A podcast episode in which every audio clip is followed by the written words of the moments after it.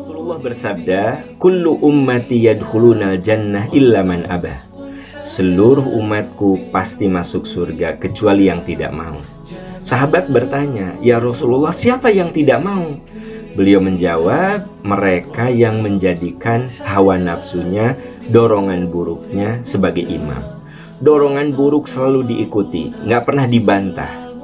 Diikuti, diikuti, dan diikuti. Itulah orang yang tidak mau masuk surga. Sementara orang yang mau masuk surga, kata Nabi, orang yang menjadikan Al-Quran sebagai imamnya. Sahabat, mari kita pelajari Al-Quran, hayati Al-Quran, amalkan Al-Quran, jadikan akhlak kita, perilaku kita itu Al-Quran yang hidup, maka apa kata Nabi? Itulah orang yang akan masuk surga karena dia berkomitmen dengan Al-Quran.